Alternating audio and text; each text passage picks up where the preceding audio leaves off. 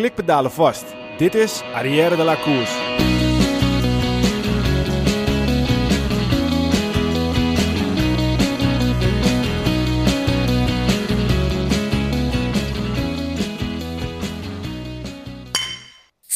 Arrière de la Course wordt mede mogelijk gemaakt door Koerspret. www.koerspret.nl Dames en heren, jongens en meisjes, welkom bij onze podcast over wielrennen Arrière de la Course. De komende podcast gaat over wielrennen, besproken vanuit het oogpunt van drie wielergekken die alles volgen vanaf de bank, dicht voor de tv. Vandaag, vandaag aflevering 78, ik ben Michiel Beemster. En uh, we zitten weer uh, tussen, de, tussen de bruidjurken, maar dat wordt uh, zo langzamerhand wel een beetje, een beetje normale zaken, Wilco. Lekker hè? Ja. het is toch ook gewoon een lekker plekje. Jij bent eigenlijk nog niet getrouwd, toch? Of wel? Nee. Heb je al een mooie jurk voor je, voor je, voor je, voor je vrouw uitgezocht? Uh, ik, ik, oh, ik, zie hier alleen maar mooie jurken hangen. Heb je een nee, ja, dat ga, dat ga ik niet zelf doen. Nee? Maar ik moet eerst maar eens gaan bedenken of ik er überhaupt ga vragen en wanneer ik ga vragen. Ga je het niet vragen? Weet ik niet. Ben je zo iemand die het niet gaat vragen? Ik, dat weet ik niet. Ik ga het gewoon doen. Ja, ga je doen? Ga je doen? gewoon niet vragen, gewoon doen. Ja. Nee hoor, dat weet ik niet. Kan je het ook nu in de podcast vragen? Dan zeg je, moet je even naar de podcast ja. luisteren. Ja. Neem ze toch niet serieus. Nee, precies. Ze neemt jouw podcast niet zo serieus. Ja, nee, inderdaad. Laten we het daarop houden. hey, uh, we beginnen eigenlijk met de vraag, uh, hebben we nog een beetje gefietst dit weekend? Ja, zeker. Ja? Ja. We hebben gisteren een lekkere tocht gemaakt. Met nieuwe handschoenen. Ja, ja, ja. dat, dat was nou, nou haal je het zo over mijn voeten weg, jongen. Nou haal je het zo over mijn voeten weg. Maar ga verder, ga heb verder. je ook uh, lekker gefietst met nieuwe handschoenen? Nee, ik heb niet lekker gefietst, maar we moeten het nu wel meteen uitleggen. Want dat ik vorige keer. Hadden we eventjes in de podcast over dat ik uh, koude handen had toen ik uh, begon met fietsen. Jij had ook koude handen. Ja. Um, en toen op een gegeven moment uh, kregen we echt een dag later een pakketje van Rogelli binnen. Ja, en uh, die hadden handschoenen. Ja. Dus hoe vet was dat? Dus ik, ja, hartstikke leuk. Dus gisteren, het hele weekend kon ik niet Ja. fietsen. En vandaag is maandag, dus gisteren kon ik eindelijk mijn ritje maken. Ja. ik, ik kon niet wachten om die dingen ik aan kijk prikken. serieus al gewoon uit naar slecht weer. Nou, met deze handschoenen wel. ja, nee, het zijn echt uh, heerlijke handschoenen. Met uh, Peter, die, hoe, hoe legt hij dat net uit, Peter? Ja, Peter uh, die wist meteen weer allemaal precies wat het was, de specificaties. De, op de details na, zeg maar. Iets met de haaienleer of zo. Ja, haaienleer. nee, kijk, uh, ik ben al fiets al veel langer dan jullie natuurlijk. En ik heb ook altijd in de winter gefietst. Dus ja, ik kijk altijd de handschoenen, welke periodes uh, wat aantrek. En als het echt koud is, dan uh, trok je neopreenhandschoenen. Nou, toen die net binnenkwamen zeg maar, op de markt, heel het jaar terug. Iedereen die wou ze hebben, want het is een soort stof waardoor uh, het water zeg maar, afstotend is, soort van. En dan als het zweet in je handschoenen, dan wordt het een beetje nat. Net als je eigenlijk in bad legt, verrimpelde vingers krijg je er weet je van. Ja. En dat door het lichaamstemperatuur warmt eigenlijk het water tussen het stof en je huid op. En daardoor krijg je warme handen. Dus uh, je hetzelfde als een surfpak bijvoorbeeld. Hè? Ja. Dus dat van je lichaamswarmte niet uh, wordt beïnvloed door het koude water. Is het eigenlijk ook zo met de handschoenen. Kijk, soms als het echt koud is, krijg je wel koude vingers. Maar dan heb je ook kans dat ze daarna weer warm worden. Ja. Dus dat is best wel... Uh, dus als je nou ja, echt, echt heel koude handen hebt en je moet heel nodig zeiken... Ja, dan kun je je handschoenen kussen. nou, er zijn zeker jongens die dat hebben ja? gedaan. Ja, ja. ja. Ja. Ja, maar deze, uh, deze handschoenen, welke van Rogelli hebben gekregen, echt, echt uh, Ja, ik vind, sowieso, ik vind het sowieso super leuk echt, ook. Super toffe geste. Boel, uh, ja, normaal zijn we blij met de comment en uh, vijf sterren. Ja, nu krijg je gewoon drie paar handschoenen. drie paar handschoenen. Maar die comments en die vijf sterren mogen nog steeds hoor. Absoluut. De zeker. laatste is alweer een tijdje terug volgens mij. Ja. Want uh, ja, weet je, op zich hadden we zoiets van, wat maakt het ons ook uit, die comments. Maar als iemand een comment wil geven met vijf sterren. Altijd hey. welkom. welkom toch? Ja. Dus ja, ik heb eigenlijk wel een, een, een lekker ritje gemaakt. Oké. Okay. Ja. Jij ook Peter? Wat ja, was met je enkel? Ja, goed eigenlijk wel. Nou ja. Was hij, heb... was hij kapot, je enkelband? Of ja, was gescheurd. Oei. Dus ik heb niet afgescheurd, wel gescheurd. Oh, net dus ik, uh, ja, net niet. Maar uh, net ik, niet was wel, ik was op zich wel blij mee, eerlijk gezegd. Ah, ik was je gewoon een beetje aanstellen. Een klein beetje wel. Ja. Maar ik kon bijna niet lopen na de podcast eigenlijk. Het was, het was een beetje minder nog. En um, ja, zaterdag ging het al een stuk beter. Gisteren hadden we de eerste dag op het strand met het team. Met koers met Beachbusters. En um, ja, toch een beetje een soort selectiemomentje, wedstrijdje, onofficieus. Denk je, weet je wat, uh, ik ga wel achteraan, ik laat wel lopen. Maar ja, daar zit toch die, die, die wielrenner in je. denk je, ja, ik pik de laatste wel even Ja, op. En toen de ene laatste. En op een gegeven moment, ja, dan werk je weg naar voren toe. En um, ja, uiteindelijk dan kon ik nog wel best hard fietsen. De Ah. laatste tien minuten ging het Dus, uh, dus eigenlijk viel alles mee. st- diep in het rood. Ja, goed, ik uh, kan niet uitklikken met linkervoet. Maar uh, dat is niet zo erg. Dus je moet gewoon zorgen dat je op je fiets Ja, precies. zo is het. En als je valt, gaat die er zelf wel uit. Precies. Nou, Ja. niks aan de hand. Dan is het, blijft de voet staan en dan ga ik eruit. Hey, uh, we zijn niet alleen hier uh, vandaag uh, tussen de, tussen de Nee. bruidsjurken. We hebben echt een super toffe gast. En uh, we hebben een beetje de traditie dat Peter altijd onze gast voorstelt. Dus uh, Peter, ik zou zeggen, ga, ga, ga helemaal los. Nou ja, we hebben weer een kampioen op tafel. Hè? Ja, ja, dus eh, hoe- hoeveel Europese wereldkampioen hebben we zo lang nog niet gehad? Ik, ik ben Nou. echt de tel kwijt. heel veel ondertussen. Ja, goed. eh Juri eh, Havik is de gast. Uh, Juri, welkom. Dankjewel. Eh Juri ken ik al nou, zeker 15, 16 jaar bijna. Toen ik begon te fietsen in 2005, toen eh, ging ik met mijn broertje mijn wedstrijden kijken. En eh, ik weet nog goed dat Juri in de voorjaarscompetitie op eh, Lucius reed. En toen won hij eigenlijk continu, dus twee, drie keer op een rij. En ik dacht, shit, die is goed. En mijn broertje werd gelost. En op een gegeven moment denk ik van, nou ja, ik wil ook wel fietsen. En dat was ergens in maart. En een jaar of een maand later toen reed ik mijn eerste wedstrijdje en won Jury weer, geloof ik. En twee maanden later hebben we het districtskampioenschap. En toen kon ik bij Jury op het podium staan in, uh, in Kennemerland. Nou, en eigenlijk was het toen een beetje, ja, ik wil niet zeggen rivaliteit ontstaan, want Jury is meer sprinter uh, in de jonge categorie. En ik was meer, probeerde wat aan te vallen. Maar ja, het was wel een van die concurrenten die voor de podiumplekken ging. En uh, ja, sindsdien werd ik nog een jaar ploegmaat van Jury bij, bij de juniorenploeg. Bij welke? Bij die Rukeno ploeg? Of, uh? Nee, bij Zinnengebouw was dat nog. Oh, bij de junioren. Okay, okay. En uh, ja, daar hebben we gewoon heel, eigenlijk heel veel, uh, heel veel wedstrijden samen ook gereden. En um, ja, onder andere zijn vader, uh, die is net zo fanatiek als mijn vader eigenlijk. Voor de jongen, voor de mensen die het weten, Henk Havik was ook beroepszender, zijn vader dan. En ja, die was net zo, net zo gedreven. Dus die zat ook bij mij in de auto toen ik Nederlands kampioen tijdrijden werd. Zat zijn vader in de auto en die schreeuwde hem ook naar de zegen. Wat dus leuk man. Ik ken Jury al heel lang en um, ja, Jury en ik hebben iets andere wegen bewandeld in die jaren. En uiteindelijk uh, is hij nou kampioen. Nou, dus... welkom Jury, superleuk dat je er bent. Ja, dankjewel. Ik, uh, ik, uh, ik, heb, ik hou erg van de zesdaagse kijken. Ik ga er eigenlijk elk jaar normaal met mijn vader heen, dus ik zal wat rondjes naar je gekeken hebben. Maar ja, vind het leuk om je zo een keer in levende lijf ook dat te kan zien. Goed, ja. Die in, in plaats van heel snel zo zoef, zoef voorbij te gaan. En wel, jij vertelde net dat zijn vader ook heel goed is. Maar je opa, heb ik dat ook goed? Die kon ook aardig fietsen, zeker of niet? Ja, dat klopt. Ja. Dus dat is de opa van mijn moederskant. Dus ja, je kon ook niet anders. Zit dubbel, in, uh, aan alle kanten in de genen. Dat mijn zeggen, opa ja. van mijn moederskant is Kees Stam. En die is wereldkampioen steden geweest. En mijn oom is dus Danny Stam. Van de befaamde duo uh, Slipper Stam. Ja, en door hun ben ik eigenlijk gaan fietsen. Omdat ja, toen ik negen was, was het uh, 2000. Ja. ja, en in Sydney 2000 deed uh, Slipper Stam mee. En uh, ja, rond die tijd ben ik begonnen met fietsen. Een keuze is het eigenlijk dus nooit geweest of je ging fietsen, ja of nee? Nou, toch wel, want uh, ik ben begonnen met atletiek, maar op een gegeven moment vond ik dat zo niet leuk meer. En ik ging voetballen aan de andere kant van de stad. Oh, ja. En dan konden ze me niet vinden om naar de training te gaan. Okay. En toen was diezelfde opa, Kees Stam, die was uh, een klein beetje dronken, denk ik. En die zei als eerste, moeten we dan maar een fietsje voor je kopen. En dat was al wat eerder dan mijn vader had gewild, geloof ik. Ja, want hoe oud was je toen? Ja, eind 8, 9 jaar dat ik mijn eerste licentie. Oké, okay, gaaf man. Dus uh, ja, lekker op tijd. Heb je hem nog bewaard, dat fietsje? Nou, Reinier Ronig die heeft een bovenste tv hangen. Echt waar? ik ben uh, op het eerste fietsje van Reinier Ronig ben ik begonnen. Want toen trainde Ah. mijn vader dan uh, DTS junioren. En uh, ja, hij heeft die fiets altijd in ere gehouden, zeg maar. En dat, dat is ook mijn eerste fiets. Dus die fiets van jullie beiden hangt boven hem, uh, bij, boven zijn tv? Ja, ja zeker. Dus Oh, nu gaan we wel eens trainen, eet ik dan appeltaart en kijk naar mijn eigen fiets. Ja, ja, ja. ja, ja. dat zegt toch ook altijd, je moet je eerste fiets ook nooit wegdoen. Want dat is nee, ja, ik geef er niet zoveel om, moet ik eerlijk zeggen. Maar nee. uh, Reinier gelukkig wel en dan uh, Ja. bewaart niet meer van mij. Leuk. kan je mooi bij hem af en toe kijken.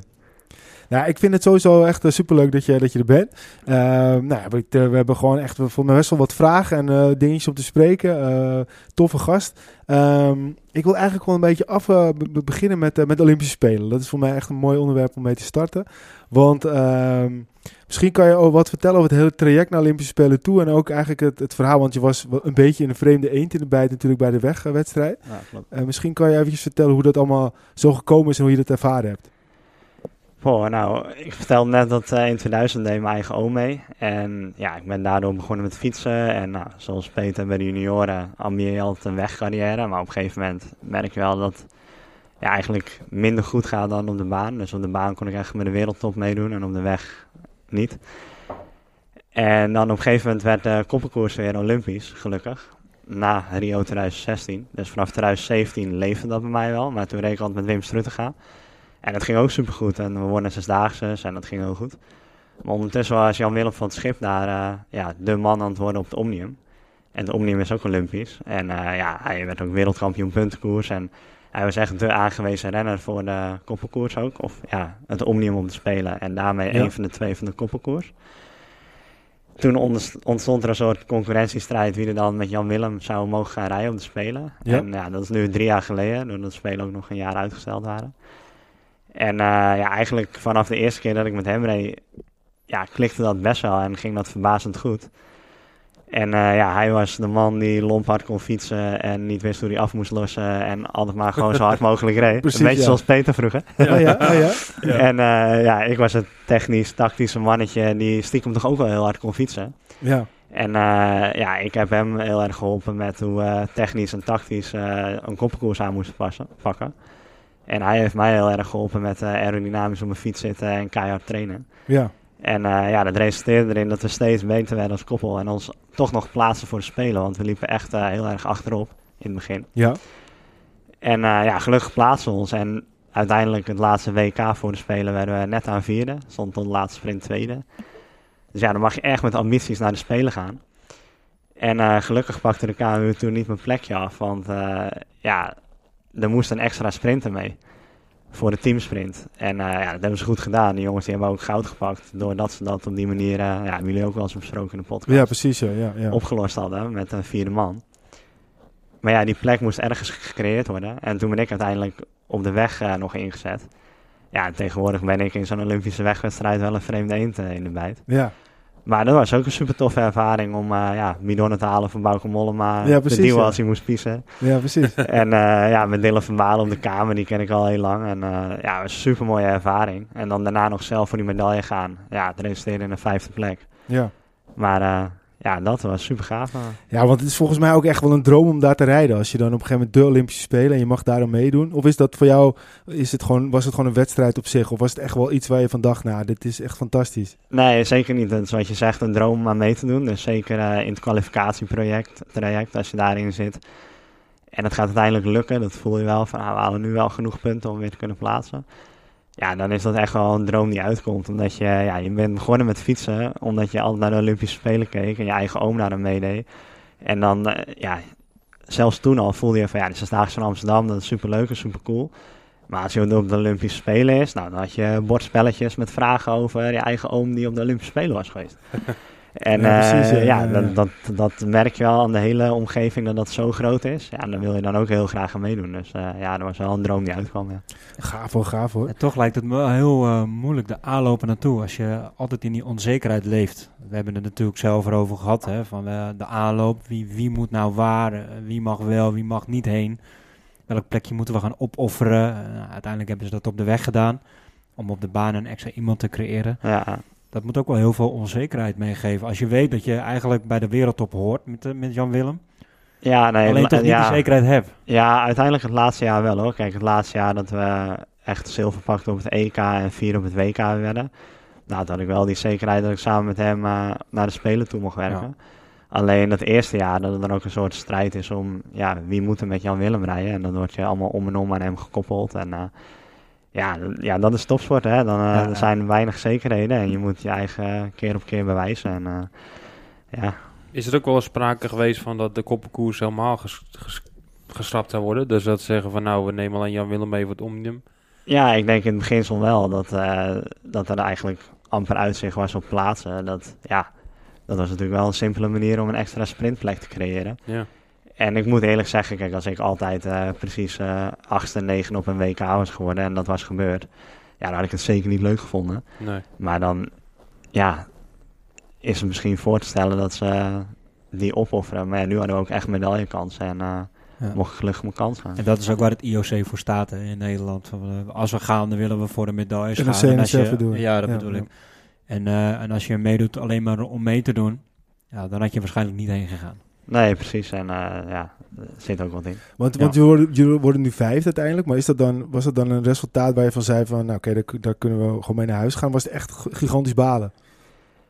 Eh, nou, het moment dat we de baan uitkwamen was wel echt even balen. Omdat we ook heel lang op koers zaten voor brons, zeg maar. Ja. Maar uiteindelijk is die, die uitslag echt wel eh, eerlijk, denk ik.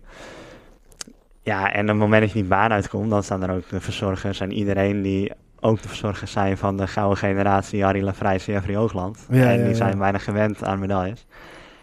En eh, ja, op dat moment is het gewoon echt balen. Maar misschien een dag later of zelfs dezelfde avond al realiseer je van, eh, joh ja, Slippenstam, eh die keer dat ze echt wat kans maakten, gingen ze onderuit, weet ik het, werden ze geloof elfde. Ja. In Sydney werden ze achtste. Ja, het is gewoon super moeilijk om op die ene dag waar iedereen van de hele wereld op een top aan de start staat, om het dan allemaal uit te laten komen en goed te presteren. En dan is vijfde eigenlijk ook gewoon best wel goed. Ja. En laten we ook allerlei World Tour renners en zo achter ons. En ja, er zitten ook vier supergoeie koppels voor ons. En ik denk dat we ja, achteraf gewoon tevreden moeten zijn. En dan blijft nog wat te wensen over voor Parijs. Ja, want dat is eigenlijk mijn volgende vraag. Want is het nu, het traject gaat door tot en met Parijs, neem ik aan nu? Eh met mij ligt wel, ja. is, dat, is dat nog niet duidelijk of is dat, moet het nog gesteld worden? Nou ja, kijk, nu begin je natuurlijk weer opnieuw. Dus eh, ja, er zijn ook weer allerlei jonge gasten die eh, ook graag Ja. naar Parijs zouden willen. En we zullen ons opnieuw moeten bewijzen. Maar ja, daar zijn we net super goed mee begonnen met die EK-titel. Ja, precies, ja, tuurlijk. Maar, Dus eh, ja, ik zie ons wel in Parijs nog maar, weer... maar is er concurrentie in. Nederland dan die eraan komt? Want, want ik, ik, wat zijn bijvoorbeeld de namen waar we op moeten letten de komende tijd? Of waar jij op moet letten, maar wij naar moeten kijken, laat ik het zo zeggen. Nou ja, bijvoorbeeld Vincent Hopperzak pakt eh, zilver op de scratch eh, het afgelopen EK. En eh, ja, die, jong, die gasten zijn nog heel jong. Ja, Dus daar hebben jullie bewijs van nog niet zoveel van gehoord. Maar ja, er zijn altijd mensen die ook naar de Olympische Spelen willen. Ja, dus ja, eh, ja, ja, ja. je weet nooit wat er gebeurt wat dat betreft. Ach, Ah, van ik- Verde, die is ook al eh, gepensioneerd, maar die rijdt nog steeds bij de wereldtop. Dus een Ja, daarom. Op mijn zegt ook 30ste niet zo dan veel, zie ik mezelf nog wel rijden over drie ben jaar. maar net begonnen. Ja. Maar goed, je hebt Nou, dus ik denk die- even nog een stap terug voordat we zouden luisteren hebben. Ja, wat is eigenlijk koppelkoers? Misschien is dat wel een goede Ja, vraag. zeker, zeker. om- want kijk, je hebt nou heel veel jongens die aan de deur kloppen. Hè, van eh, ja, hoe moeten die zich laten zien? Want de koppelkoers die met z'n tweeën. Er is niet een Nederlandse scene. Kijk, ik weet, ik weet de ins en outs ervan af. Dan kan je een beetje kort uitleggen wat is eigenlijk een koppelkoers eh, voor de mensen die nog zeggen van ja, wat is dat eigenlijk? Oh, ja, ik denk dat veel mensen de Olympische Spelen wel hebben gezien. En dan ja, het, het is eigenlijk het individuele onderdeel, de puntenkoers. Dus ja, je hebt 200 ronden, elke 10 ronden een sprint, maar dan met z'n tweeën. Dus je komt elkaar ongeveer elke 2,5 ronde tegen. En dan door middel van een handaflossing eh, wissel je. Dus diegene onderin de baan, ja, die wedstrijd gaat gemiddeld 59 km per uur. Dus die rijdt meestal 60 of net erboven. En degene boven in de baan, die rijdt ja, een gangetje van 40 op het moment dat hij zijn hand uitsteekt. En dan zwiept hij die andere baan in. Ja, het heet de Madison om te spelen, omdat het ooit de eerste keer in 1896 in eh, Madison Square Garden gehouden werd. Oh, wist ik Het niet. is eh, het belangrijkste onderdeel in de Zesdaagse, zoals in Rotterdam, Ahoy, eh, Amsterdam vroeger. Ja, Ja, het het is echt wel ja, het koningsnummer van de duuronderdelen. Zoals Harry en Jeffrey het op de sprint uitvechten, zo vechten de duurrenners het op de koppelkoers af. het is ook gewoon het mooiste, het mooiste onderdeel, dat vind ik persoonlijk ook om naar te kijken. Ja, Want de snelheid ligt super hoog en er gebruik, gebeurt gewoon heel veel. van alles. En dat is natuurlijk eh, en je moet opletten, want anders weet je het niet meer. Ja, dat Ja. is zo. Dus ik ben, ik ben dan een beetje... Ik heb het zelf een keer gedaan, hè. Dus op de juniorenniveaus, belofteniveaus een klein beetje. Maar het is... Als mensen het nooit gezien hebben, ga zeker een keer naar zesdaagse. Het Ja. is echt spectaculair om dat, dat te zien. Het is overal rijden renners hoge en dan soms ben je helemaal eh, de, de, de draad kwijt, zeg maar. Dan denk je, daar rijdt wat en daar rijdt wat en die is sneller en die pakt een rondje en die wordt gelost. En dan gaat er een aflossing niet goed en dan valt er weer bijna eentje. Het is echt wel... eh, Maar ik moet wel zeggen, de zesdaagse is natuurlijk wel, wel, wel een stuk uitgebreider dan het onderdeel Olympische Spelen. Ja, maar de koppelkoersen staat natuurlijk wel centraal bij Ja, tuurlijk, tuurlijk. Dus dat is wel het meest het hoofdonderdeel waar eigenlijk alles omheen draait. Dus het is echt wel leuk om... Ik heb Wat- trouwens nog wel even, even een tussenvraag. Want ik heb echt, echt best wel veel zesdaagse gezien. Op een gegeven moment ging ik keer naar Amsterdam en ook eh, Rotterdam met mijn vader. Dat was echt een uitje wat we één keer per jaar deden. Maar wat wij ons altijd afvroegen, eh, is het dan altijd gewoon helemaal een open wedstrijd? Ik weet dat je er natuurlijk allemaal geen antwoord op kan geven. Maar soms was het echt ook een beetje, hadden we echt wel het gevoel van, oké, eh, nu is de uitslag, nu is die in één keer heel goed en nu is die een keer heel goed. Eh, eh, het, het, is, het is niet zoals een criterium, toch? Het is toch wel echt een wedstrijd, een zesdaagse? Ja, ja, zeker. De Zesdaagse is echt een wedstrijd. En ik denk wat Peter net uitlegt van ja, op een kampioenschap rijdt soms iedereen overal. En ja, het mooie tussen aanhalingstekens van een Zesdaagse is dat na zes dagen kent iedereen wel zijn plek. Ja. En dan in de finale wordt het wel uitgevochten tussen die beste drie, vijf Oké, dus die de rest bovenaan bemoeit zich er dan niet. En dan bemoeit nummer 7 tot en met 12, die al op eh 20 ronden achter staan, bemoeien zich vaak niet echt meer met die laatste sprints uit een soort respect van, hè, net als de gedubbelde renners in een criterium ook niet meer bemoeien met de eindsprint, is dat in een zesdaagse ook wel een ongeschreven regel, dat je op de laatste dag je eigen niet meer bemoeit met degene die het uitvechten voor de overwinning. Ja, ja, en daardoor ja. blijft het dan wat overzichtelijker. En ja, dat is voor het publiek wel heel mooi, want dan is het lekker makkelijk te Ja. volgen. Dat is wat Jury zegt. hè. Dus wat laatste wat hij zegt voor het publiek. Kijk, Zesdaagse is ook een heel groot deel show-element. En dat komt ook Nee, maar omdat daarom, daarom. het goed te volgen is. En dan soms kan het heel gelijk eh, gemaakt lijken. Maar dan gaat het nog steeds echt wel, omdat het dat het, dat het knijter gekoers wordt. Maar dan wel met de gedachte van, nee, als wij een rommeltje van maken, dan hebben we volgend jaar geen zesdaags meer. Want dan nee, maar- maar, voor een mooi evenement. Ik, ik wist wel dat dat de reden was, maar ik wilde wel eens het duidelijk hebben, omdat het nog steeds wel eens wordt gezegd Ja. van ja, oké, dat is allemaal vooraf en zo. En, eh, maar dat nee, is het was dat maar waar, want dan eh, kon ik de overwinning wel bijschrijven als Europees kampioen. Maar, Maar we hadden, niet het, net over de, zijn, we hadden het net over de spelen. En daar wil ik eigenlijk nog wel op terugkomen. Want heel veel Ja, mensen goed. hebben natuurlijk de, de race gezien. En jullie begonnen eigenlijk heel goed. Jullie zaten er goed bij. Jullie Ja, pakten klopt. jullie puntjes. En op een gegeven moment was het niet over. Maar het, het was wel heel moeilijk geworden. Maar om, toch ook wel. ja, om voor de, voor de medailles te gaan. Ik als thuisblijver. Ik zat alleen maar te kijken van... Gasten, geef gas. Pak even een, ronde, weet je. Pak zijn- even een ronde. ja, maar goed, dat is het, het fanatisme. Hè? We willen Ja, dat ja, jullie een ja. medaille pakken. Ja. En er waren nog heel veel rondjes. En dat gebeurde maar niet. En dat gebeurde maar niet. En je ziet het telletje aflopen. Nog maar zoveel rondjes. Nog maar zoveel rondjes. Ja, ik denk, geef gas. Ik denk, Jan Willem, pak je stuur. Je stuurtje, sorry. Geef Je hebt gas. zo'n klein stuurtje, pak hem dan. Ja, ja, kijk, maar hoe... hoe- nou ja, Neem ons eens mee. Wat, wat ging er goed? Wat ging er fout? nou, ik Wat kan denk ik niet vrij fout? duidelijk uitleggen van... Wij gingen erin om in alle sprints punten te sprokkelen, omdat we goed zijn in positioneren en handig zijn. En ik ben snel uit zijn hand. Eh, ja, hij is zwaar, ik ben licht, dus dan ja, moet je punten kunnen pakken. Eh, en we niet het zelfvertrouwen, zoals bij het afgelopen EK, dat we het wel tegen elkaar gezegd hebben. Van ja, we gaan even een ronde pakken. Want ja, Murk of Hansen waren de favoriet. eh Ethan Hater met eh Wols werden uiteindelijk tweede. Die zijn gewoon zo sterk dat ja, het risico om te spelen was te groot dat je dan, als je alles of niks doet, dat je niks hebt. Dus we wilden meer op safe gaan om altijd punten te pakken. En ik moet eerlijk zeggen, als je terugkijkt, dan denk je, ja, jullie hebben nu al een tijdje niks gedaan. Pak even een ronde. Maar al die puntjes sprokkelen, die eerste 100 ronden, ja, dat kostte zoveel energie. Ja. Die wedstrijd ging 59,2 km per uur gemiddeld. Zo. En de eerste eh, 100 ronden van de 200 was gewoon boven de 60 gemiddeld. Dus op tv lijkt het niet zo hard soms. Maar als je ertussen rijdt en je rijdt constant boven de 60 per uur in koers, ja, dan ben je eigenlijk gewoon voor je gevoel de hele tijd aan het sprinten. Ja, en het leverde niet superveel punten op, omdat het net niet goed genoeg werkte, zoals bij nummer 1 en 2 wel. En we hebben daar wel van geleerd, want de Fransen hebben bijvoorbeeld ja, twee keer een eh, dikke pomper gegeven. En die pakte geen ronde, maar die pakte wel twee keer twee sprints tijdens dat ze ervoor reden. Ja, dat leverde eigenlijk veel meer punten op met dezelfde energie als dat wij 100 keer een sprintje voor één of twee punten deden. Ja, precies, ja.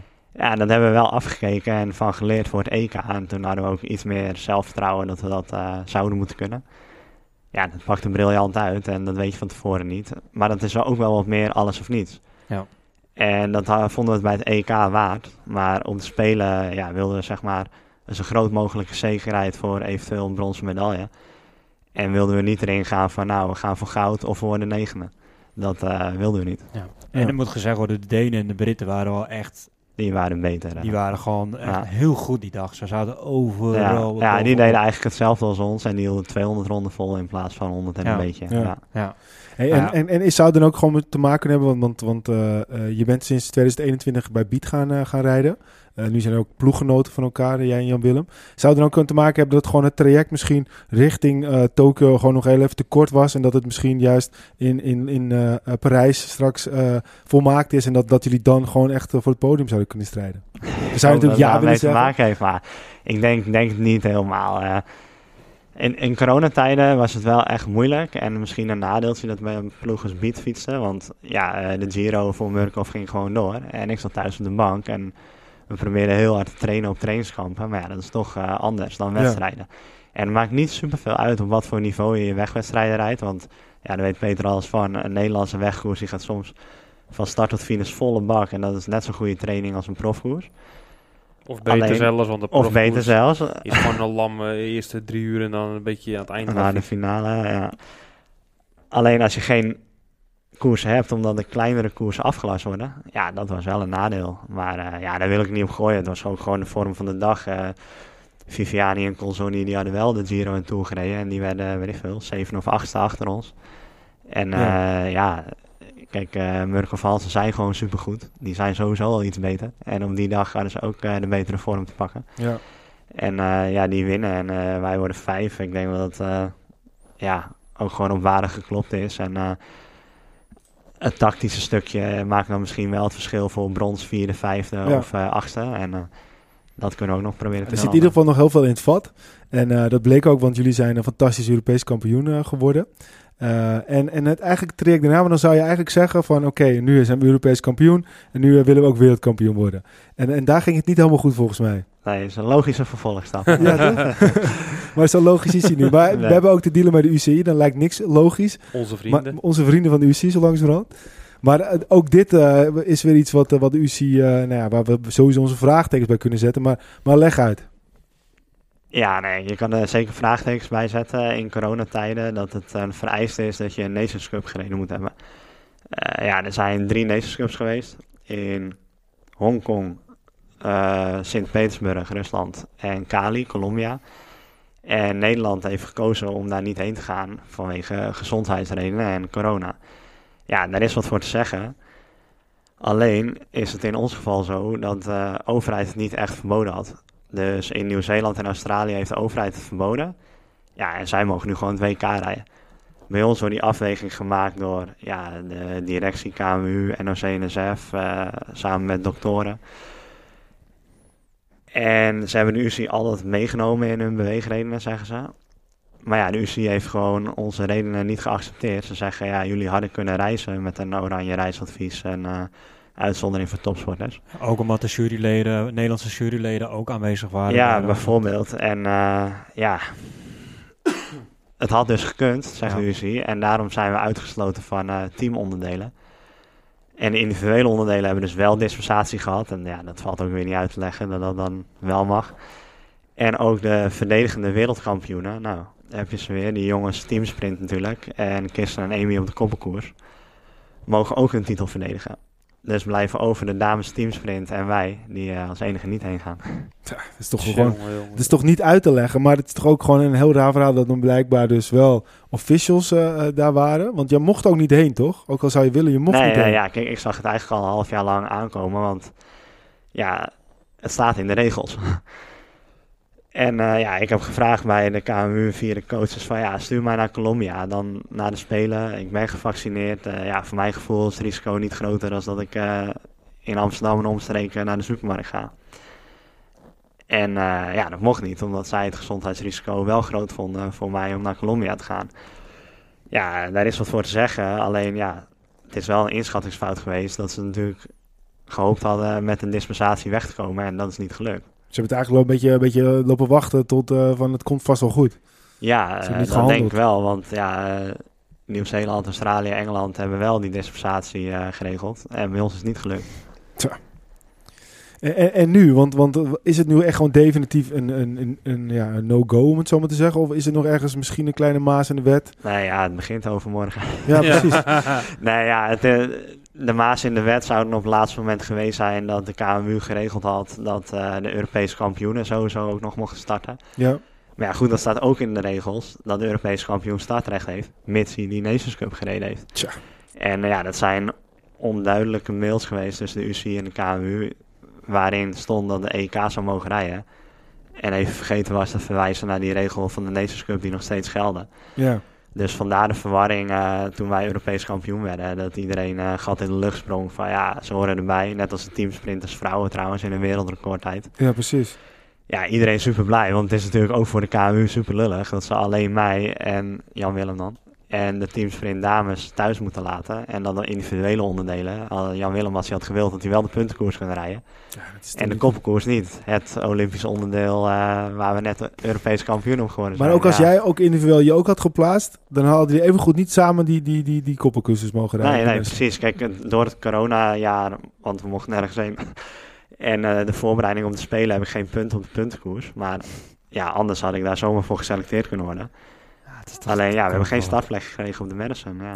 Europees kampioen, je hoeft vijfde op te spelen. Ja, hoeveel, dus, hoeveel moet je bewijzen hè, dat je bij de top hoort? Ja, maar dit is toch precies En weer... dan echt op de, op de regeltjes word je gewoon uh, gestraft, zeg maar. Dus Ja, Sanne, Sanne zou, Sanne Brassenpenis mag dus wel de Ja, keiring die doet mee op de keiring in de sprint, maar niet op de Eh, team. Dus die teamsprint wordt verboden. ja, ja, Onzin. omdat er daar Nederland achter je naam staat, denk ik, in plaats van je eigen naam. Eigenlijk eh, zouden ze dat moeten gewoon verbieden.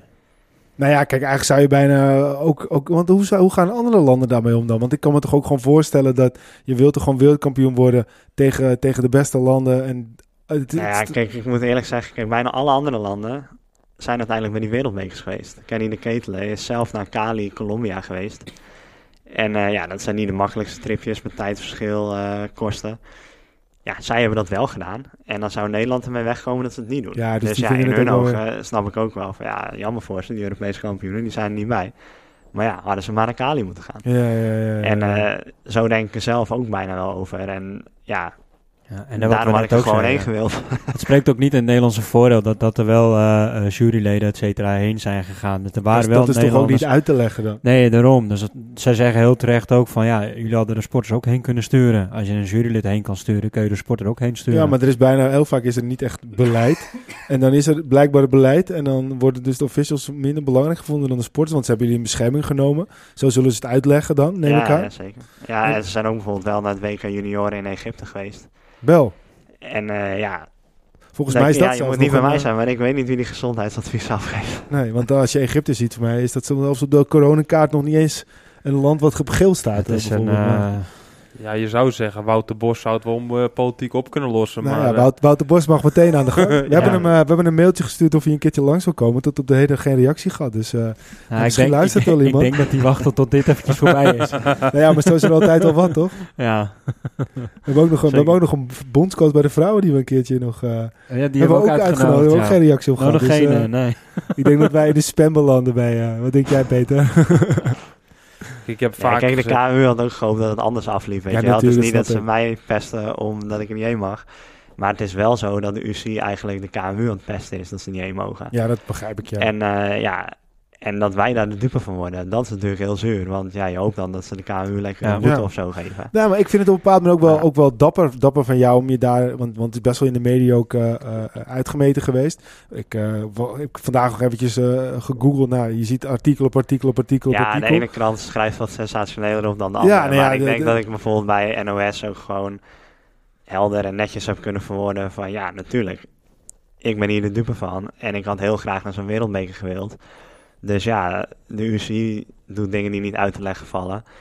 Maar als het dan zo is, hadden we dan eh, geen, eh, niet het risico moeten nemen. Maar ja, zij zien het als een risico dat ik naar Cali Ja, wilde. ja, precies. En zo eh, nou, maar je kan ook gewoon zo zeggen... een andere mening. En eh, ja, dat is prima ja. even goede vrienden. Alleen, ja, even goede vrienden gaan we weer door met het leven. Alleen, op dat moment vind ik het natuurlijk super zuur maar, maar dat snap ik. Maar, je kan ook gewoon niks zeggen en, en dan gewoon als het ware alles mee laten belopen. Maar je hebt wel gewoon de guts om te zeggen van ja, Ja. dit is gewoon niet goed gegaan. En ik vind dat dat, dat echt gewoon eh, eh, ja, voor, jou, voor jou pleit al- als mens zijn. Dat je gewoon wel je durft uit te spelen. Want er zijn genoeg schaapjes in deze wereld en die gewoon Ja. niks zeggen. Het, kijk, het verschil zit hem natuurlijk gewoon... Kijk, er zit iemand achter een bureau met een eh, toetsenbord... en die bepaalt dan de regeltjes... en die gaat vervolgens om vijf uur weer naar huis... en zijn werkdag zit erop. Uh, Jury, die traint eh, jaren om op een bepaald niveau te komen... en dan je, je werk naar een bepaald doel toe... Ja, dat zijn wel twee totaal verschillende werelden. En Ja, dus- ik denk dat je het nu ook heel goed zegt van, ja, jaren om op een bepaald niveau te komen. Dus ik ben 30 en eh, ja, we fietsen al heel lang, vanaf mijn negende. En dit WK had een van de misschien vijf belangrijkste wedstrijden in mijn leven geweest. Want samen Ja. met de Olympische Spelen en het WK koppelkoers, dat je in die trui eventueel ooit nog een zesdaagse zou rijden.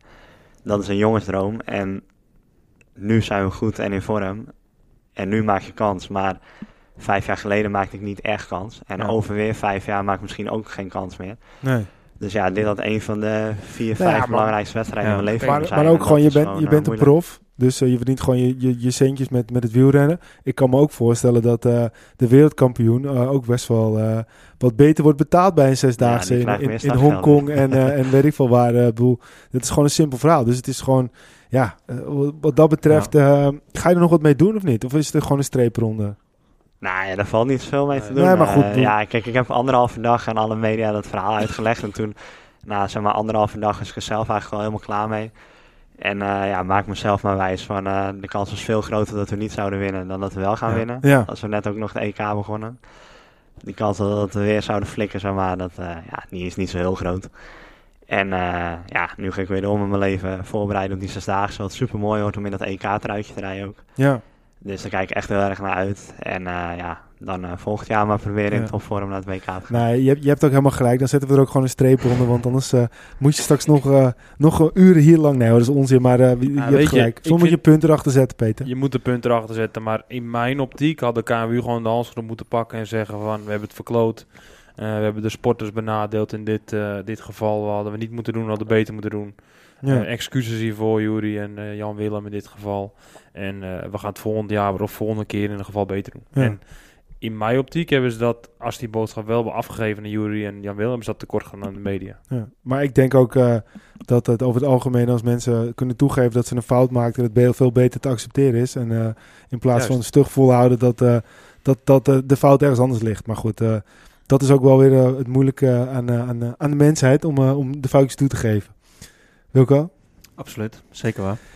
Goed, nou dan ben ik eigenlijk wel even benieuwd eh, eh, naar jouw ploeg. Want uh, beatcycling hebben we echt, eh, eh, nou ja, we horen er steeds meer van. Ik heb ook echt wel het gevoel dat het een ploeg is die in, de- in, in de lift zit. Ehm, je rijdt daar nu sinds 2021. Hoe, hoe, ervaar je, hoe ervaar je je ploeg? Ja, een fijne ploeg, denk ik. Eh, ja, het is een ploeg waar iedereen zichzelf kan zijn, zal ik maar zeggen. Dus bijvoorbeeld ook Jan-Willem van het Schip, eh, ja, die, die kan daar zichzelf zijn en eh, hij wordt gehoord. En ja, of we wat mee doen, eh, is weer een tweede. Maar er zitten een heleboel jongens die zeg maar, ja, niet in een strak keurslijf passen bij wijze van. Maar bijvoorbeeld ook baanwielrennen of mountainbiken daarnaast, noem maar op.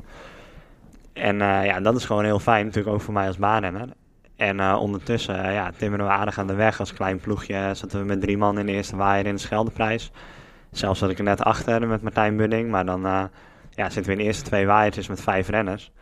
Ja, ik denk dat alleen Quickstep en Bora dat ook konden zeggen. Ja, precies, ja. En ja, dat is dus ook het mooie dat we ja, met een beetje buitenbeentjes, zal ik maar zeggen, als Pilter Havik, Jan Willem, mezelf, dat we stiekem toch samen dan weer ver komen.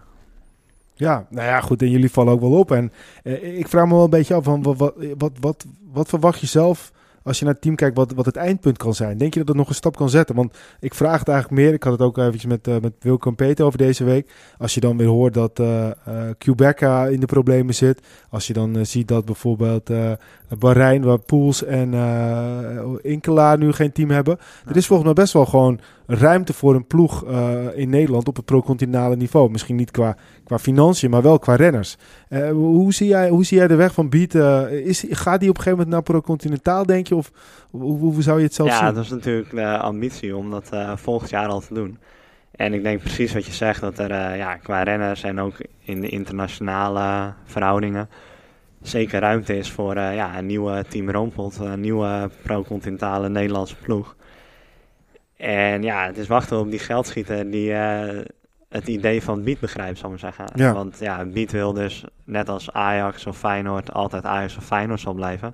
Altijd Beat Cycling blijven, altijd de blauwe huiskleur houden. En niet uh, de geldschieter op het shirt zetten en dan nou, die na twee of drie jaar keutel intrekt, dat de boel uh, weer inkakt, inkakt en ja. omvalt. En niet afhankelijk zijn van één grote geldschieter, maar meerdere onder de noemer Beat Cycling voor altijd. En ook daarmee de members, want ja, we hebben best wel veel uh, vaste leden. En die steunen ons ook en die kopen ook hetzelfde pakje en dat is super cool. Ja. En als dat nog breder wordt, dan is dat uiteindelijk natuurlijk ook net zoals bij een voetbalclub. Dat zijn het ook model, inkomsten, ja. de merchandise. en ja, het is zeg maar wachten totdat er uh, één, twee grote sponsors uh, daarin mee willen gaan. In plaats van dat ze per se hun naam op een shirtje willen plakken. Ja. En sportief gezien, ja, is er zeker ruimte. Die renners die je net noemt. Uh, maar ja, zelfs Nicky Terpstra heeft nog geen contract. Nee, nee, en niet precies, dat ik zeg dat hij eventueel bij Bietsa Nou ja, goed, waarom niet? Maar waarom niet? Als het net zo als de pro-continentaal pro niveau komt. Je krijgt wildcards in Amstel Gold Race Ronde van Vlaanderen. Omdat je die Nederlandse uh, tweede ploeg bent. Ja. Ja, ik denk echt wel daar inderdaad sportief gezien ruimte voor is. En uh, het is wachten totdat daar uh, bedrijven ook de meerwaarde van Het is misschien ook een Nou beetje ja. kip en het ei verhaal natuurlijk. Want als zo'n Terpstra wel zegt, oké, ik, ik zou Precies. naar uh, willen komen. Um, als het Ja. wordt, dat er wel misschien een persoon Ja, maar van naam, dat, dat spreekt altijd aan. En, eh, en dan kan een bedrijf weer eh, wat leuke dingen Ja. ook mee doen. Dus dat, dat is altijd interessant. Nou, ja, wij kennen zelf, eh, wij, wij volgen al sinds een aantal jaar het Cycle Capital. Misschien heb je wel eens voor gehoord, de Amsterdamse ploeg. Die probeert natuurlijk op dezelfde manier te groeien. Die, die ziet ook wel dat hij wel wat, ja, wat problemen heeft om de volgende stap te zetten, zoals Beat dat wel, wel kan. Ja, ik, ik zou het gewoon echt zo vet vinden als er gewoon weer een nieuwe Nederlandse pro-continentale ploeg komt. Eh, ook al is het alleen voor het niveau hoog te houden. We, we, we genieten allemaal volop van het wielrennen. We zijn op de baan echt supergoed. Daar ben jij natuurlijk een groot onderdeel van. En we zijn op de weg goed. We zijn op de mountainbike goed. Maar we hebben eigenlijk maar één, één profploeg. En dan denk ik van, hoe, hoe moet het nou? Hoe kan het nou? Als je dan kijkt naar België. het zijn volgens mij, eh, hoeveel zullen er zijn? Een stuk of zes, Ja. zeven? Met een pro-continentale en een... Maar het, het mooie zou wel, wat, wat, wat, wat Jordi net natuurlijk ook uitlegt. Kijk, Jumbo is een hele mooie ploeg. En, en ze doen het supergoed. En die staan de komende jaren, staat het er ook nog wel. Maar ja, als Jumbo over vier jaar in één keer denkt van we zijn er klaar mee. Dan heet het geen Jumbo meer. Maar dan heet het bijvoorbeeld, eh laten we de concurrent even nemen. Dan heet het Albert, Albert Heijn zou- Cycling Team. Nee, maar weet je, dan rijden ze niet meer in het geel. Dan rijden ze in het blauw. Ja. hoe vet is als het inderdaad, als het een ploeg is die altijd dezelfde naam houdt. Altijd in hetzelfde pakje rijdt. En dan inderdaad de sponsors wel op het shirtje vermerkt, maar eventjes tactischer eh, verwerkt. Maar wel altijd dezelfde naam en ja, maar, maar over, kleuren. over Albert Heijn gesproken. Bedoel, het zou wel vet zijn als bijvoorbeeld Albert Heijn op een gegeven moment zegt... Ja, wij Ja, gaan Piet een beetje adopteren. Dat, gewoon, kleuren, dat sluit wel een beetje daarom, aan, daarom. eh. Jumbo tegen Albert Heijn, dat zou wel heel vet zijn. Nee, maar ik denk eh, dat het goed uitgelegd is. Dat het En is jullie hamsteren de wedstrijd Ja, ja, ook ja. een beetje bij elkaar. En, Maar het is het kip en het ei verhaal. Dat, ja, het idee is denk ik echt heel goed. Ja. Alleen die eerste grote sponsor die daarin wil stappen, of die eerste grote renner die daarbij wil komen, ja, die heb je nodig om ook die fanbase weer veel groter te hebben, zodat je van die inkomsten ook echt weer wat kan doen. Ja, precies. Want ja, Juri Afke en Jan Willem, die hebben best wel wat fans, maar niet zoveel als Nicky Terpstra Nee. bijvoorbeeld. Nee, zeker. Ja, En, nee, eh, dat, ja. is, eh, dat is gewoon zo natuurlijk. Ja. Bij Jumbo, ja, hoeveel mensen, eh, ja, mannen op een racefiets in plaats van wielrenners. Ja, Hoeveel mannen op een racefiets kom je niet tegen in een Jumbo-shirtje? ja. Ja, en over een paar jaar kan het weer een Rabo-shirtje zijn of terug andersom. Ja. Maar als dat dus gewoon de komende 30 jaar een Beat-shirtje is, net zoals dat Ajax al 100 jaar bestaat. Ja. ja. dat idee is denk ik inderdaad super sterk. Alleen om het van de grond te krijgen, terwijl je begint op een continentaal niveau met als grootste renner Jan-Willem van het Schip, is super moeilijk. En dat is waar we nu nog een beetje eh, tegenaan lopen, Ja. denk ik. maar er- ergens hoop ik het niet, want die kleuren van Beat, die lijkt wel een beetje op ons pakje. Ik heb veel liever dat het pakje van Arrière veel gezien wordt in het land. Ja, nou ja, weet je, dat is ook zo. Maar die, ik vind die van Beat, ik vind het echt een mooi pakje. Ja, ik vind ook. Ja. de, hele, hele look eh, en feel vind ik heel vet. Ik vind het idee vet. En, wij, eh, wij hebben toch wel eens gezegd, eh, eigenlijk zou de Koning gewoon de Wolfpack moeten worden. En eh, Jumbo, zeker. de Killer Bees de bijvoorbeeld. Killer Bees, als je dit dan zo een beetje om- een omslag gaat maken, dan krijg je zo'n team als Beat en ook in één keer weer. een- Nou ja, kijk, het is een, beetje het Amerikaanse model, zoals de NBA, de NFL, de is ingericht. Dat je eigenlijk gewoon, je hebt een league en daar heb je eigenlijk gewoon een, een aandeel. En, en dat is een licentie voor je team. Dat Ja. wilden ze natuurlijk ook ooit met de World Tour ook doen. En dat die licenties dan weer door worden verkocht, zag ik een beetje met Wanti natuurlijk. Ehm, alleen daaronder zie je gewoon nog dat er zoveel wildgroei is. Het lijkt me ook gewoon ontzettend moeilijk voor een pro-continentaal team om jezelf te vestigen. Kijk, eigenlijk net al wat ik net tegen Wilco zei van... eh, hoeveel pro-continentale teams zijn er in België? Nou, als we eventjes over nadenken, dan zullen we tot een punt komen. Hebben ze nog twee, hebben ze drie World Tour teams. Maar het is best wel moeilijk uit te leggen voor de volger... wat nu precies een ploeg is die op een bepaald niveau rijdt. Als ik mensen eh, dat vertel die niet heel veel wielrennen kijken... maar die het wel leuk vinden om de Tour te kijken... Ja, die hebben dan totaal geen idee waar Beat staat. En die kennen misschien een keer het team omdat ze, omdat ze het een keer gezien hebben ergens. En dat hele verhaal in het wielrennen is gewoon zo onduidelijk. Ja. Dat het ook voor een sponsor niet heel aantrekkelijk is misschien om in te stappen. Want hij krijgt diezelfde exposure misschien ook wel als je een continentaal team ergens sponsort. Ja. Want wat, wat, wat levert nou? Dat is echt gewoon een serieuze vraag. Jij je denkt er veel over na, Peter, altijd. Wat, waarom zou je een pro-continentaal team moeten gaan sponsoren? Nou, dat hangt er vanaf. Hè. Ik denk, als je kijkt naar eh, bijvoorbeeld Mathieu van der Poel, dat is ook pro-continental. Dan heb je al een renner, Mathieu van der Poel, die sponsort. Dus kijk, ik weet de bedragen niet van Alpecin exact, maar ik weet wel dat die voor, eh, nou zeg, pak een beter budgetten van 10 miljoen, waar ze ook gewoon een, eh, een Tour van kunnen rijden. Maar die zeggen gewoon, ja, wij blijven pro-continental, dat Tuurlijk. het goedkoper is Lekker in de licentie, goedkoper in dit. We kunnen kiezen wat we willen, want we zijn de beste. Maar alle teams eronder is het puur waarschijnlijk budgetkeuze, omdat ze niet een volledig World-Tour-programma kunnen rijden. Dus dan ga je zeggen, oké, we hebben iets minder budget voor alle wedstrijden. Eh, we kunnen met 2, 3 miljoen misschien een keer toe. Hè, dus heb je het serieus eh, stuk minder dan 30 miljoen van de Jumbo. kun je even goed die wedstrijd doen met wildcards. Dus de enige reden waarom je pro-continental zou willen worden, zijn met 2, 3 miljoen sponsoring een grote ronde rijden en daarmee genoeg exposure om dat geld terug te verdienen. Nou, wij zagen bij Aqua Blue dat de sales van Aqua Blue ongeveer 6, 7 ton werden in de Vuelta, dat we daar meededen. Nou, toen hadden hun de berekeningen gemaakt, als wij de Tour gaan, dan gaat dat zeker verdubbelen of wel vier keer zoveel. En dan zijn we gewoon een pro-continental ploeg zijn die zichzelf financiert door middel van het platform Aqua Blue. En dat was uiteindelijk het, het verdienmodel op dat niveau. Maar verder ja, is het eigenlijk helemaal niet een slechte investering om pro-continental te doen. Want dat, wat Jury zegt met de Woudkaart in Ronde van Vlaanderen, als Roompot zei, heeft daar mega veel exposure gehad. Waarom gaan die weg na zoveel jaar?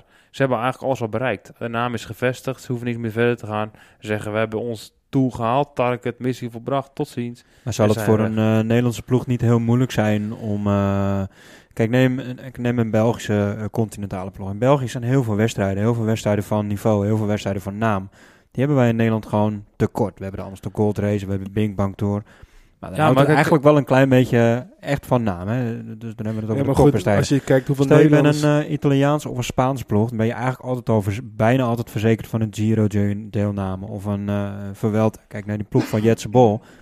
Nou, het is ook continentaal, maar ze rijden wel altijd de Vuelta. Dus die ploeg die heeft altijd wel zekerheid dat ze drie weken per jaar... eh, Ah, kijk, en, en we hebben het natuurlijk over, over, eh, over gelddingen en zo gehad, hè, weet je wel, wel of niet echt is. En, maar dit is ook zo, sommige teams die betalen ook startgeld om een wedstrijd te mogen Ja, rijden. tuurlijk.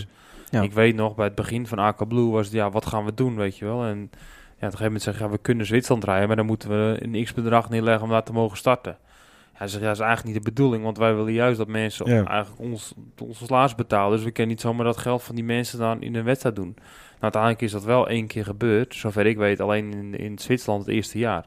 Puur op het feit van, oké, als we daarheen gaan, dan mogen we misschien ook nog weer een stapje verder. Ja, en doordat we daar waren, mochten we het eigenlijk wel naar de verwelting. Maar dat is natuurlijk het probleem. Dat is het probleem. Het verdienmodel in het wielrennen klopt Is niet. kut. Want het Nee. geld van de Tour van- komt bij de ASO terecht en niet bij de ploegen. Precies. Dus het tv-geld komt niet bij ploegen terecht, maar bij organisatoren. En vervolgens krijgt Quickstep geld om bij een wedstrijd te komen. En de kleine ploeg Aquablue moet betalen om bij diezelfde Ja, wedstrijd precies. te komen. Maar dat is ook met het prijzengeld in de Tour. Waarom zou de winnaar uiteindelijk 7 ton moeten krijgen? En waarom gaat de, de, de, de slechtste rijdende ploeg met 1000 euro naar huis? Ja, maar dat, dit, dit, dit, het het, is zo- de, de, de- de verschillen zijn zo, zo gigantisch groot. Dat, dat, Ja. dat het ook heel moeilijk is om... eh, dat om dat het is misschien wel uit te leggen, maar inderdaad... Nou, we hebben toch wel eens een keer zo'n geintje gemaakt van... eh, stel je voor dat er nou een businessclub is hè, met eh tien rijke gasten, bijvoorbeeld 10 miljonairs.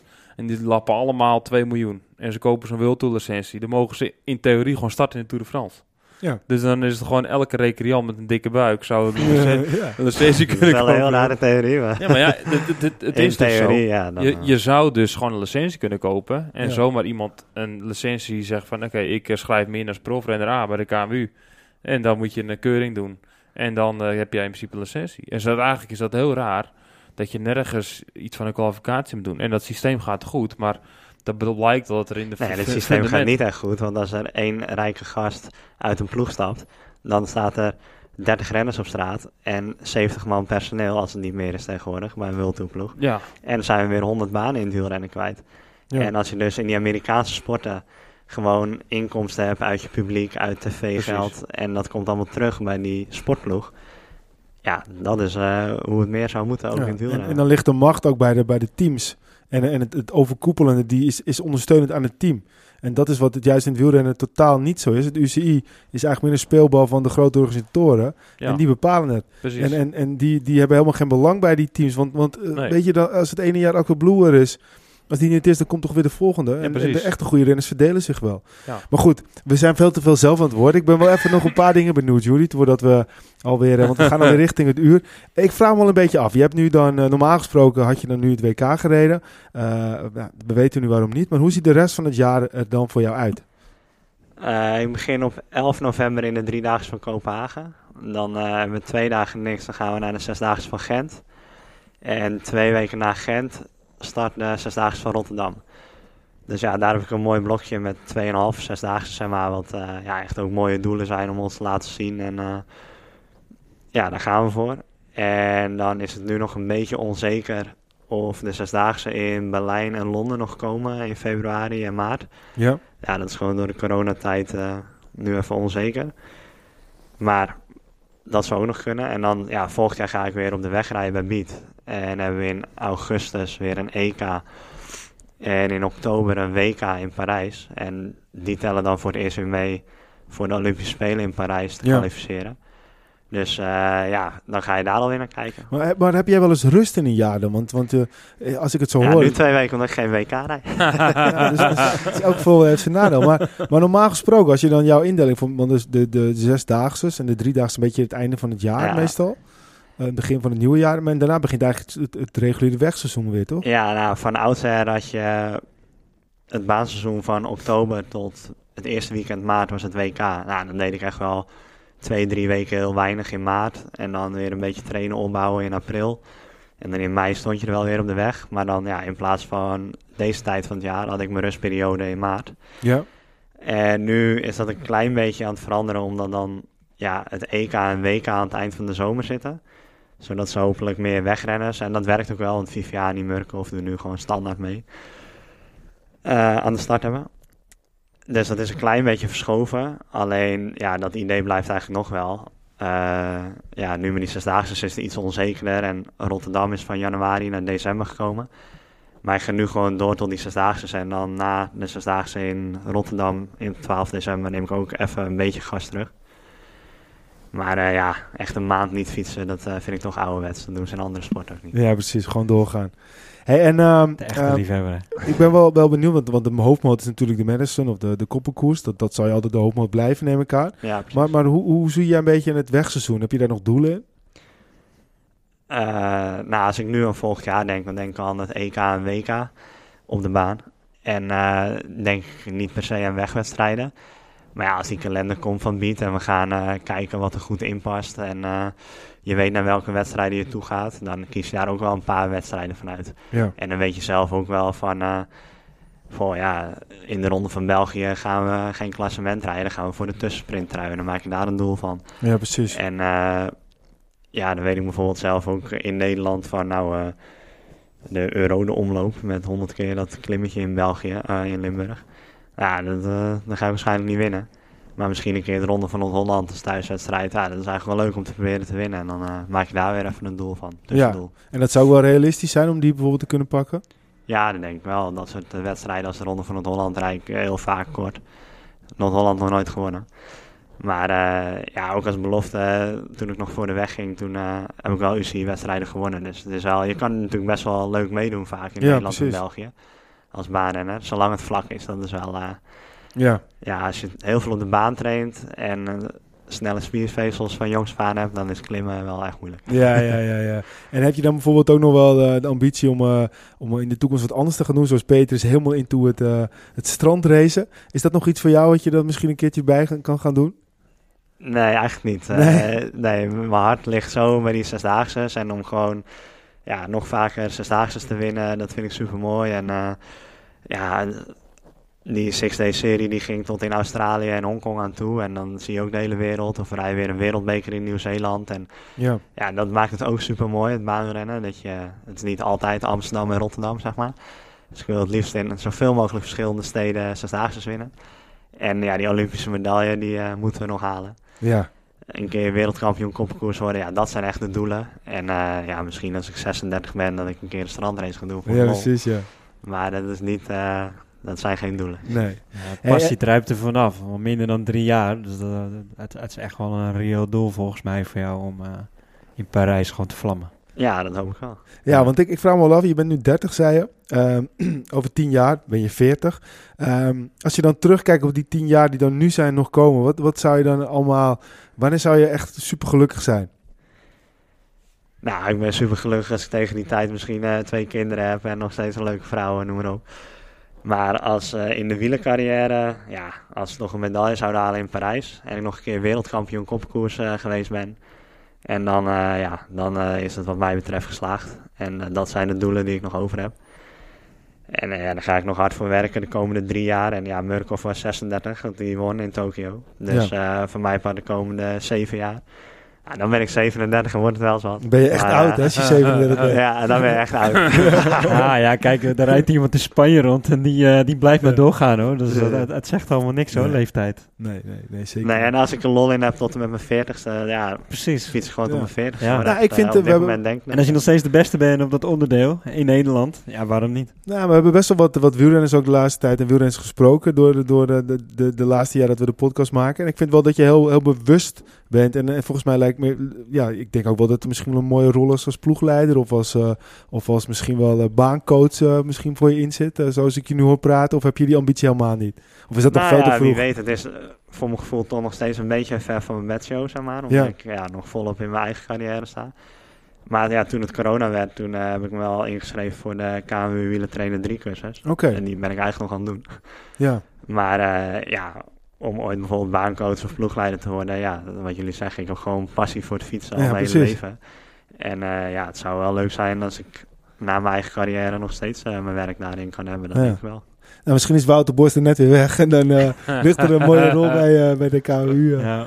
Ja, die schijnt nog niet klaar. zo makkelijk te zijn, hè? Nou, volgens mij, als, volgens mij als ik dit zou horen, dan sta je veel liever zeg maar, in het veld of op de baan in dit geval dan eh, achter de, de, het schermpje met het toetsenbord. Ja, dat klopt inderdaad wel, ja. Ik ben wel echt, eh, ja, een man Tussen van... de eh, renners. En, Tussen de eh, renners, ja. ja. dat denk ik wel. Ja. Nou, het is mooi om, eh, om zo te horen hoe je, hoe je ooit bent, eh, bent gestart. Eh, als twee jonge broekies, eh, Peter. En eh, dan eh, gewoon nu stap voor stap, ja, we hebben je allemaal kunnen zien groeien. En eh, volgens mij gaat het nog tot heel veel En dan moois zit je gewoon in de podcast bij Arrière de la. Ja, jongen. Ja, wat wil je nog meer? Wat wil je nog meer? Tussen de bruidjurken. Nou, dan ben je wel echt geslaagd. Dan ben je wel geslaagd, ja. nou, ik vond het echt super leuk dat je, dat je aanwezig was. Peter, heb jij nog een, eh, een, eh, een mooie, mooie laatste woord of nog een mooie anekdote? Nee, nou, eh, Juri, bedankt dat je was sowieso. Hè. Dus, eh, het is altijd leuk om mensen... je- ah, het komt bij ons uit de- omgeving, woont in Averhoorn. Dus dat is niet heel voor de van ons mensen die dat niet weten, het is in West-Friesland, kop van het Holland. Dat is ook weer vlak bij ons. Ja. Gisteren nog de regen gereden. Ja, Ja. Prachtig dorp. Ja. En mijn vrouw heeft hier de bruidsjurk gekocht bij, ja. Ook nog. Precies. Kijk, Cirkeltje rond. Het is inderdaad de cirkel. is echt rond, inderdaad. nou, we stoppen jongens. Eh, Het heeft dus altijd een doel gehad dat we dus hier tussen de jurken Ja, ja, eh, ja. zitten. Juri in de podcast. ja, En dan zei dat zijn vrouw hier een jurk gekocht heeft. hoppa. Wilco? Fantastisch. Nou ja, dat is een mooie afsluiting kunnen we niet hebben Nee? dan dit. Nee, de, de laatste woorden zijn van jou, Juri.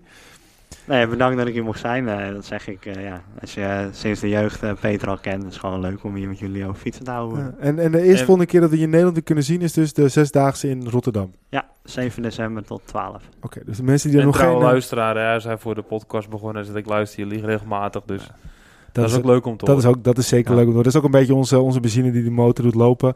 En eh, nou ja, goed, mensen kunnen volgens mij ook gewoon Rotterdam allemaal weer eh, met een QR-code komen kijken. Dus eh, mensen die eh, nog geen kaartje hebben, moeten het zeker even gaan doen, lijkt mij. Zeker. Dus misschien gaan we zelf wel heen, Wilco. Lijkt me een goed idee. Goed idee. Ja. Nou, hartstikke bedankt. En eh, ook alle luisteraars bedankt voor het luisteren. Volg ons op Facebook, facebook.com slash Koers. Twitter Arrière. Instagram podcast Arrière Koers. En ga ook eens kijken op onze website www.arrièredelacours.nl Bedankt voor het luisteren en tot de volgende Arrière de la